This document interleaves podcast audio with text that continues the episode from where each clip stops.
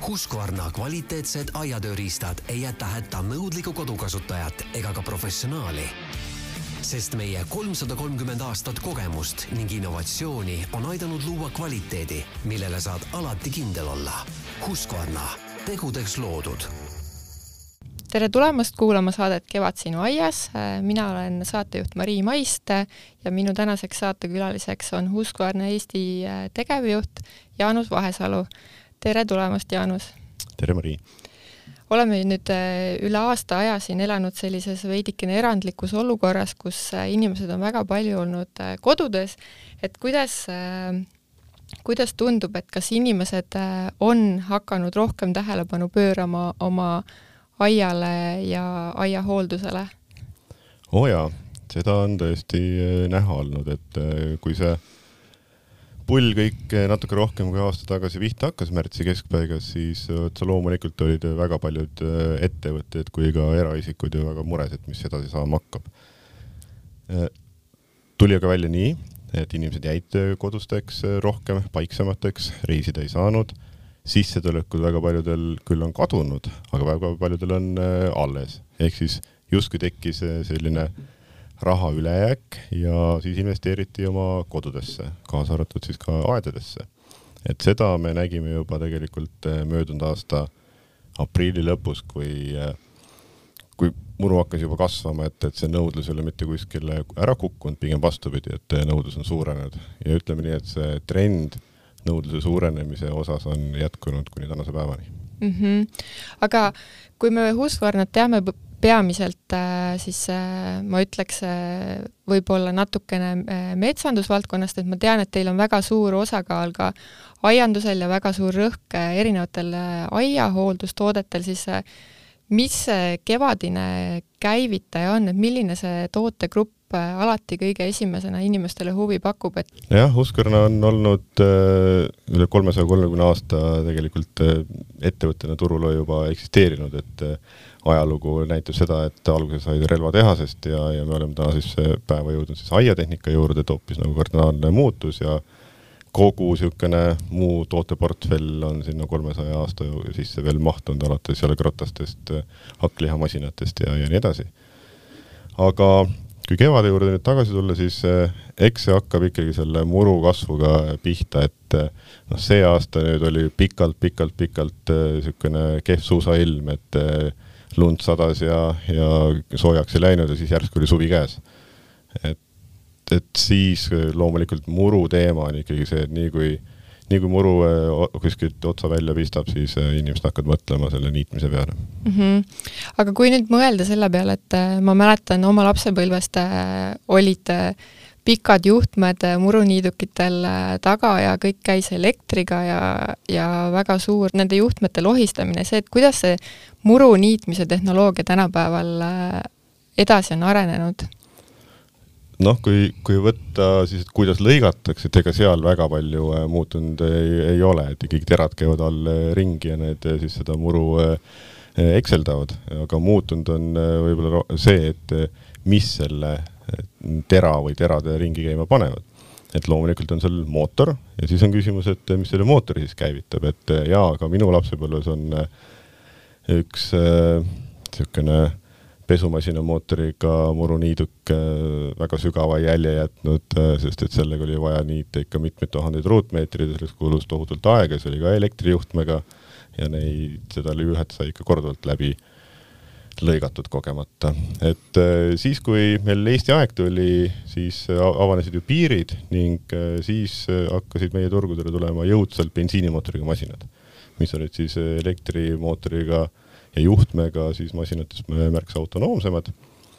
kuid nüüd ütleme siis nii, et me oleme läinud teatud määral võib siis taandarengut tegemas, et me lähme bensiini juurest jälle elektri juurde tagasi. küll aga enam ei kasuta siis juhet, vaid on aku.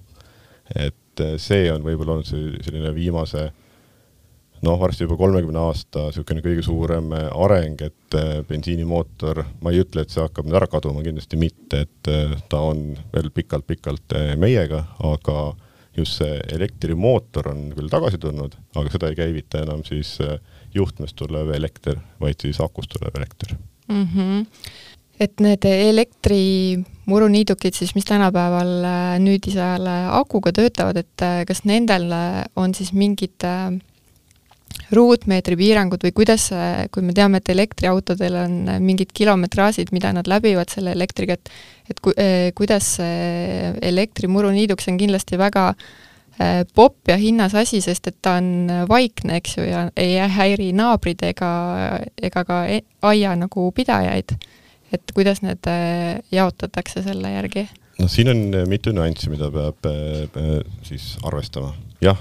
bensiinimootoriga masinaga on põhimõtteliselt, kui me nüüd räägime puhtast teooriast, et praktikas ma arvan, et mitte keegi nii ei tee, aga võimalik niita selle niidukiga oi-oi-oi kui suuri pindasid, valaga kütust juurde ja oled ise katkematult värske, et ei väsi ära, siis muudkui niidad ja niidad ja niidad. Akumasinatega on siis jah, see piir, et aku saab mingil hetkel tühjaks kui sa nüüd võtta teine aku, siis sa saad sisuliselt sama, samamoodi jätkata nagu bensiinimootoriga. saab jälle teine aku tühjaks, sama aeg on siis esimene aku täis laadinud ja sa saad äh, jätkata. et seal selles osas nagu mingisuguseid takistusi ei ole piirangute osas. aga järjest äh, populaarsemad on mitte siis need tavapärased lükatavad äh, aku või elektriga või bensiiniga muruniidukid, vaid äh, robotniidukid mis ju tegelikult ka töötavad äh, aku jõul, et nad lähevad ise ennast laadima, kui on äh, vajadus. vot nendel on küll see, et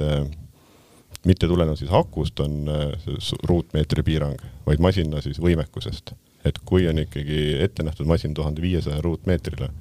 siis seda ei ole võimalik panna niitma kahte või kolme tuhandet ruutmeetrit, et see on küll piirang. okei okay aga kui ma mõtlen äh, siis, äh, kuidas, kas robotniidukite järgi see nõudlus on ka oluliselt suurenenud, et kas robotniidukid on populaarsed äh, Eesti inimeste seas? kas Eesti inimesed on sellised tehnoloogiahuvilised ja soovivad seda mugavust ja kodust kaugemalt muruniiduki juhtimise võimalust, seda poolt? jaa, päris kindlasti on robotniidukid populaarsed ja nad ei ole nüüd tegelikult populaarsed viimase aasta või kahe aasta jooksul, nad on olnud populaarsed juba viimased viis-kuus aastat äh, vähemalt. Husqvarna on tootnud äh, robotniidukeid juba kakskümmend kuus aastat, et esimene valmis tuhat üheksasada üheksakümmend viis. Eestis me oleme robotniidukeid müünud kahe tuhande seitsmendast aastast alates, ehk siis juba neliteist aastat, et see ajalugu on meil päris pikk ja julgen öelda küll, et äh, eestlased on tehnoloogia usku et nad äh, hea meelega soetavad endale siis robotniiduki või kohati ka mitu, sest et äh, krundi piir võib olla, või krundi suurus on äh, nii palju suur, et sinna on vaja mitut masinat toimetama mm. -hmm. kas, kas sellel robotmuruniidukitel tänapäeval on ka mingeid selliseid piiranguid, et nad tahavad ainult tasast maad või nad on juba võimelised niitma ka mingeid künkaid või äh, pisut äh, ebatasaseid maid? tegelikult on nii, et äh, kui on tänaseks hetkeks äh, niidetud pinda nii-öelda siis tavapärase muruniidukiga, olgu siis bensiinimootoriga või elektrimootoriga, aga seda on niidetud,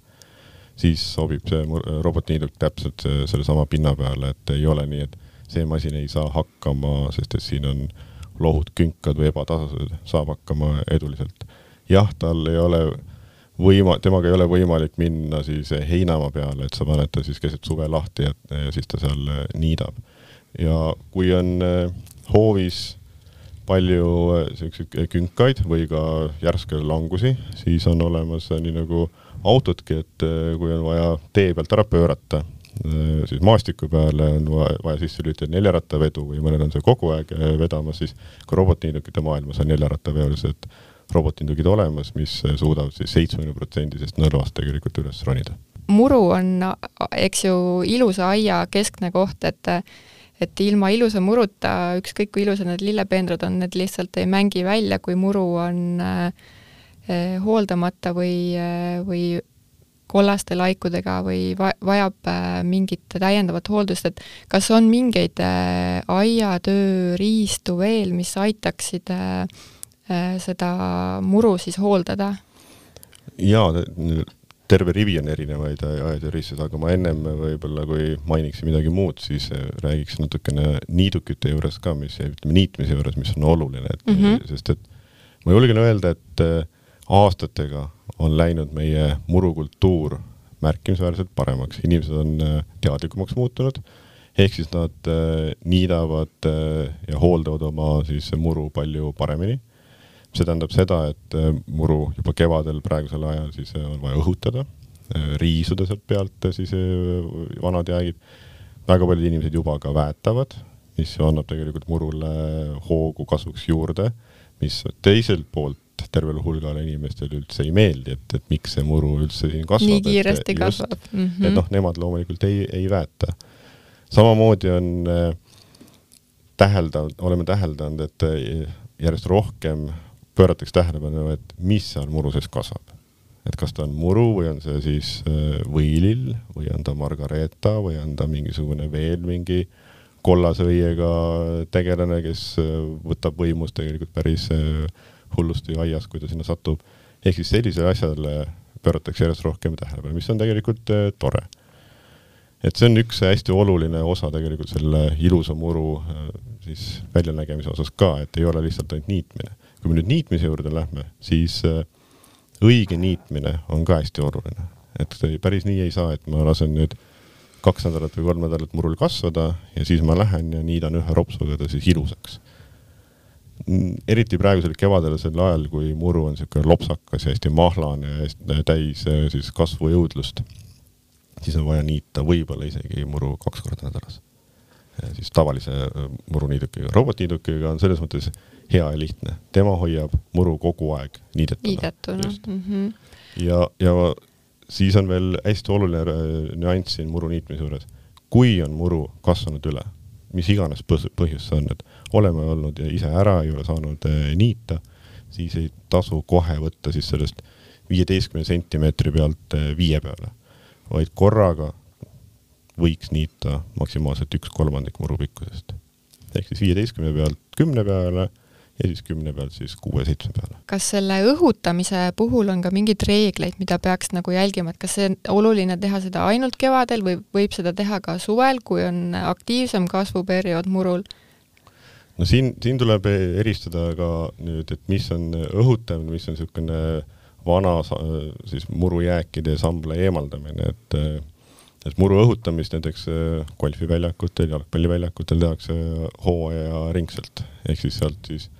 võetakse välja siuksed äh, väikese äh, beebiporgandi laadsed äh, pulgad ja, ja siis sinna see muru liivatatakse üle ja antakse siis toitained, et see vesi ja kõik need jõuaks ilusti puu, mitte puu juurde, muru juurteni.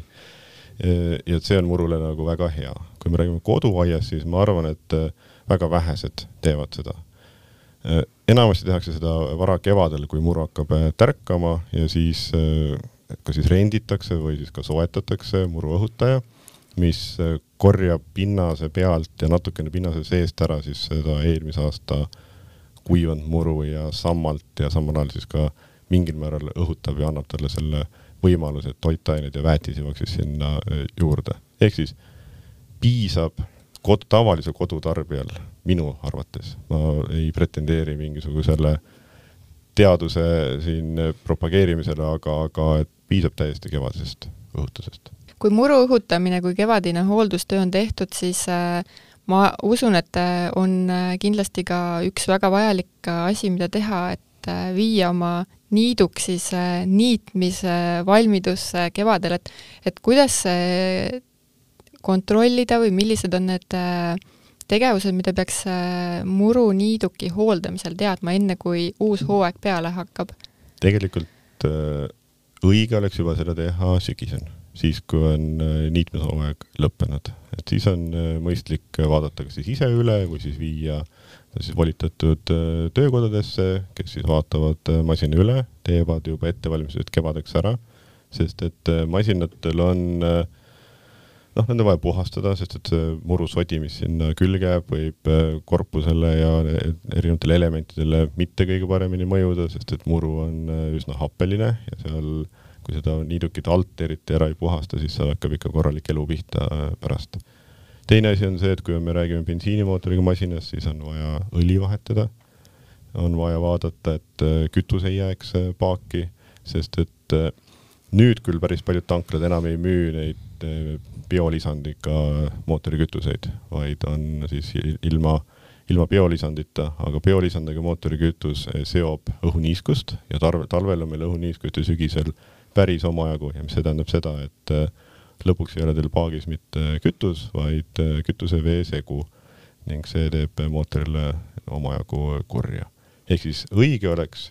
sügisel üle vaadata, aga kui see jääb ikkagi tegemata, siis eh, kevadel võtta ta hoiukohast eh, välja, vaadata, kontrollida üle õlitase, see kindlasti vahetada, terade olukord üle kontrollida, et eh, need oleksid terad, teravad. Ja hästi oluline on ka see, et terad oleksid tasakaalus, mis tähendab seda, et kui te hakkate niitma ja tunnete, et et see niiduk kuidagi kahtlaselt äh, väriseb ja vibreerib, siis äh, tasub vaadata sinna alla, et, et see tera on ilmselt äh, tasakaalust väljas ja selle tasakaalu saamiseks soovitan külastada siis ka hooldustöökodasid, et nad, nendel on õppinud mehed ja, ja kes teevad siis selle asja ilusti korda. aga nüüd me oleme päris pikalt siin muru teemadel rääkinud, et lisaks murule tegelikult on aias tihti inimestel ka äh, suured äh, puud ja põõsad, äh, mis siis äh, tahavad ka aeg-ajalt hooldust, kas siis vajavad saagi või, või on pikad hekid, mille, mille hooldamisel ka on päris, mille hooldamine on päris ajamahukas, et kas Husqvarnal on mingeid töövahendeid selleks, et hõlbustada näiteks hekkide pügamist? Jaa, ennem äh, tegelikult ma libisesin sellest äh, muude seadmete küsimusest äh, sujuvalt mööda, aga, aga jaa, loomulikult on olemas nii heki pügamiseks vajalikud tööriistad kui ka siis õunapokste jaoks väiksemad ja suuremad siis töövahendid, millega neid saab siis maha võtta või, või kärpida. et heki pügamine no selle jaoks on erinevaid lahendusi, et vot see on üks koht, kus meie näeme seda, et bensiinimootoriga maailm on äh, taanduma hakanud ikka väga jõudsalt, sest et äh, hekipügajad on sellised äh, asjad, mida sa kasutad harva, see on üks asi, ja teine asi on see, et neid on üsna raske siis käsitleda, kui sa pead hoidma seal enda rinna kõrgusel, sest et hekk on nii kõrge lihtsalt, et ja, ja see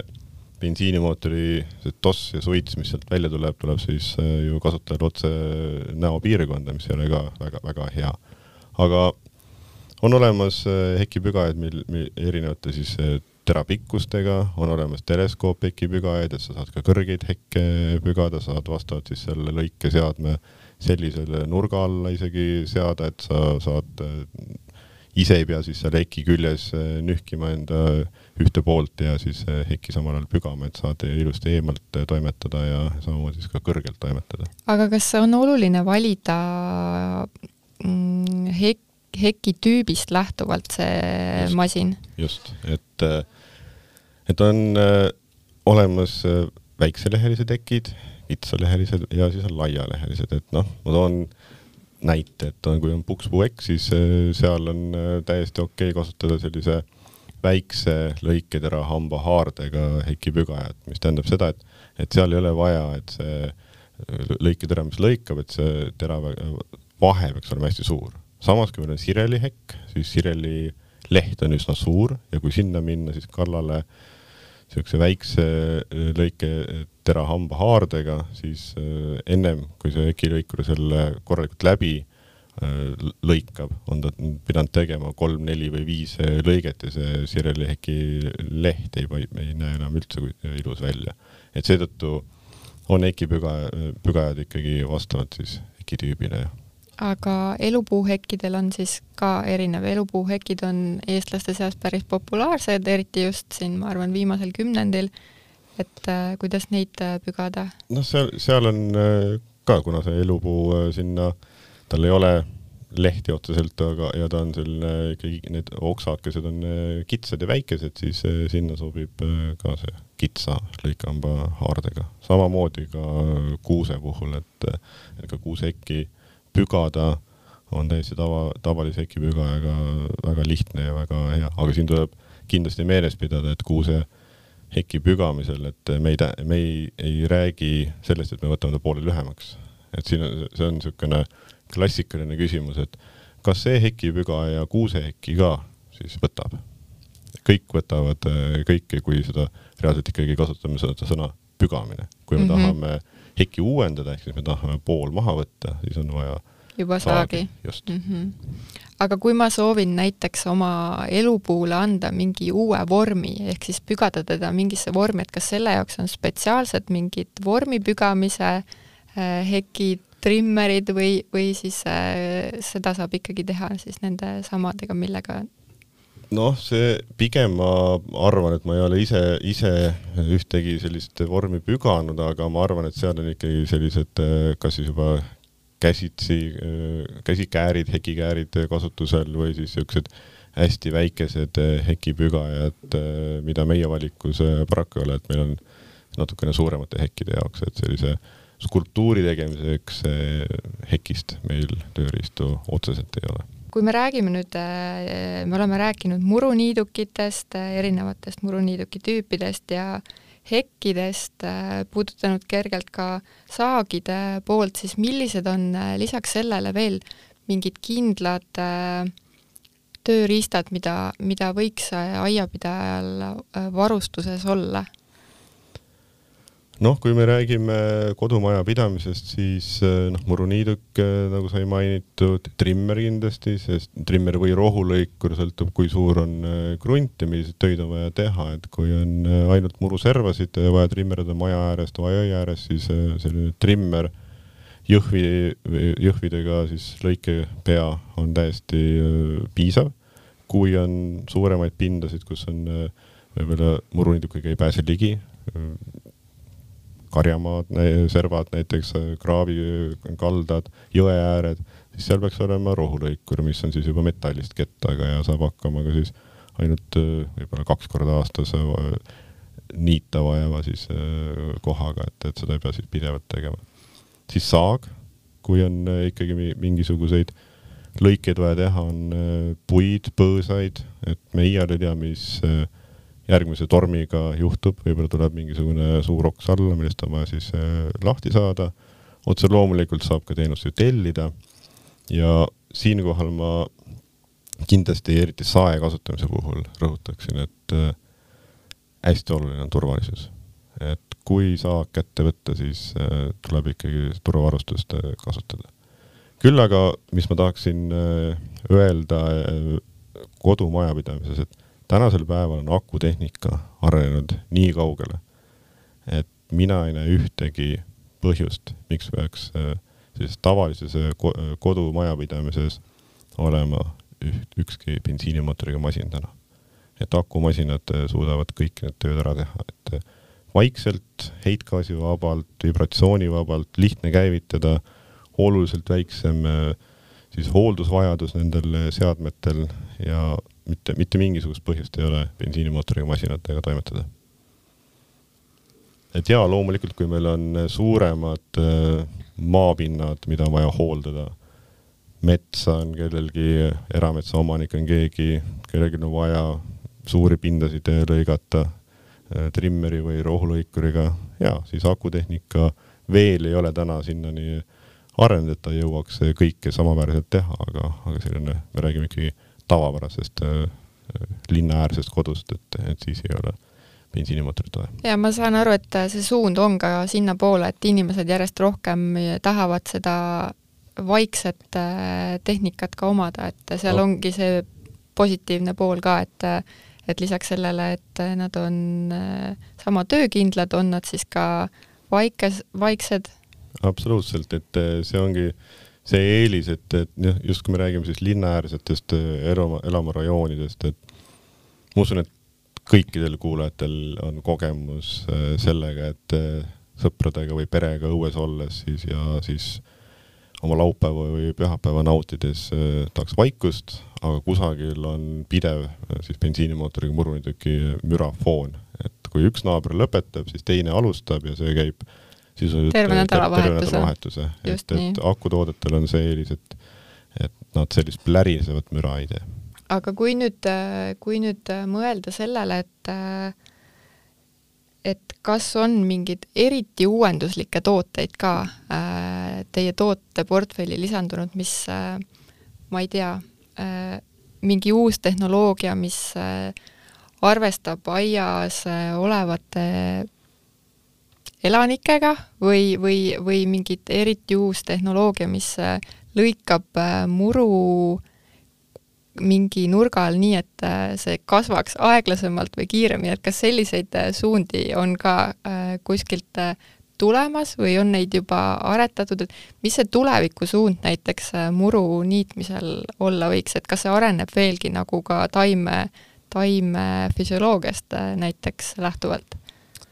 Noh, ilm, ilmselt äh, jah, taimefüsioloogia osas ma ei oska kaasa rääkida, aga ma arvan, et murusordid juba täna on aeglasemalt kasvavad murud ja mis on ju varjumuru ja, ja, ja päikse käes kasvav muru ja nii edasi. aga murutehnika osas otse loomulikult tehnoloogia areneb niivõrd äh, kiiresti, mis on viie aasta pärast? Raske isegi prognoosida, et kindlasti mingisugused suunad äh, on, kõikidest asjadest ei saa veel ette rääkida, aga kui me tuleme tagasi, siis robotniidukite juurde, et äh, tänasel päeval kodumajapidamises on äh, robotniidukid ikkagi mõeldud selliselt, et sa piirdekaabliga pi märgid ära tema tööala, ehk siis on vaja kaabel maasse panna. siis tulevik on selline, et ilmselt seda kaablit ei ole enam vaja, et on virtuaalsed piirid. et meil täna Eestisse sel aastal müügile tulnud äh, üks professionaalseks kasutuseks mõeldud robotniidukil on selline lahendus juba peal, aga see, see nõuab äh, teatud määral veel tehnoloogia edasiarenemist, sest et äh, praegused sellist tüüpi robotniidukid vajavad väga palju lagedat taevapinda, ehk siis puude, põõsaste, majade ja hoonete siis olemasolu võib satelliidi signaale ja nähtavussatelliididele siis piirata ja see on kindlasti üks äh, tehnoloogia niisugune nõrk koht, mis äh, vajab äh, lahendamist. aga ma olen üsna, üsna veendunud, et see, see tuleb ja loomulikult akutehnoloogia areneb jõudsalt edasi, et et kui ma ennem ütlesin, et võib-olla niisugune suuremate tööde jaoks ja professionaalseks kasutuseks just metsas või siis mõnikord ka niisugune kodukasutuses, kes tahab ikkagi väga palju ja tihedat äh, tööd teha näiteks saega või siis äh, võsalõikuriga, siis aku, akumasin ei ole veel äh, oma võimekuselt just selle aku kestvuse osas. sinna on ju arenenud see aku kaal ja siis mahtuvus ja see tööaeg oleksid mõistlikus balansis, et akut on võimalik teha väga-väga suurt ja väga vastupidavat ja väga pikaaegset aga siis me ei jaksa seda vedada, siis peaks järeljaruga selle aku sinna koha peale tooma. aga kindlasti on, eh, mis on trend, mida me näeme, on eh, teenused. ehk siis inimesed ei taha enam eh, nii väga asju omada ja osta, vaid pigem siis äh, mõeldakse, et ma tahaksin seda asja kasutada siis, kui mul on vaja. et miks ma pean seda omama, et täpselt nii nagu ka muu valdkond on ju, kui me mõtleme, räägime siis autodest ja et tuleme sinna tagasi, et kui mul on autot vaja, siis ma võtan siis äh, selle tänava pealt selle Citybee või Bolti auto ja, ja sõidan siis sinna, kus mul on äh, vaja. et ma arvan, et see aiatehnikaga jääb samamoodi, et me sellel aastal teeme ühte pilootprojekti äh, esimest korda siin, selle asja nimi on Tools for you ja, ja selle eesmärk on see, et meil on ühes praeguses kus ka saab vist välja öelda, et Pärnusse on tulemas ühe kaubanduskeskuse juurde selline nagu pakiautomaat laias laastus, kus sa siis eh, mobiilirakenduse abil saad endale broneerida akutrimmeri, akusae, puhuri või hekipügaja. vaatad, et kas need on saadaval seal ja saad siis üheks päevaks broneerida ja, või eh, laenutada kaheks päevaks, kolme, kolmeks päevaks ja siis, eh, kui on see aeg otsas, siis viid tagasi saad mobiiliäpiga uksed ilusti ise avada ja sulgeda ja paned seadmed tagasi ja on töö tehtud. no see kõlab küll nagu väga mugava teenusena, sest et äh, lisaks siis sellele, et äh, sul ei võta need äh, asjad kodus ruumi, kui sul ei ole sellist äh, kuuri või hoiupaika nendele trimmeritele või tööriistadele, siis äh, nad on ilmselt alati ka hooldatud viimase absoluutselt, absoluutselt, et äh, kui masin tuuakse tagasi, siis seda masinat ei väljastata ennem, kui siis äh, spetsialist on selle üle vaadanud ja, ja kindlustanud, et on seal täislaetud akud, et masinaga ei ole midagi kurja tehtud, et seal on ikkagi, kui me räägime trimmerist, siis trimmi jõhvi on piisavalt, kui me räägime saest, siis kett on terav ja, ja nii edasi, et, et sa saad siis ikkagi täiesti korrektselt funktsioneeriva tööriista endale sealt laenutada. Siinkohal olekski hea aeg siis äh, tõmmata saate otsad kokku ja jää, jääme siis põnevusega ootama seda pilootprojekti ja soovime edu, et äh, inimesed leiaksid üles äh, võimaluse rentida endale aiatööriistu, mida neil võib-olla igapäevaselt vaja ei lähe. aitäh, kuulajad, et kuulasite saadet Kevad sinu kodus, mina olen Marii Maiste ja minu tänaseks saatekülaliseks oli Husqvarna Eesti tegevjuht Jaanus Vahesalu. Kuulmiseni! Kuulmiseni! Husqvarna kvaliteetsed aiatööriistad ei jäta hätta nõudlikku kodukasutajat ega ka professionaali. sest meie kolmsada kolmkümmend aastat kogemust ning innovatsiooni on aidanud luua kvaliteedi, millele saad alati kindel olla. Husqvarna, tegudeks loodud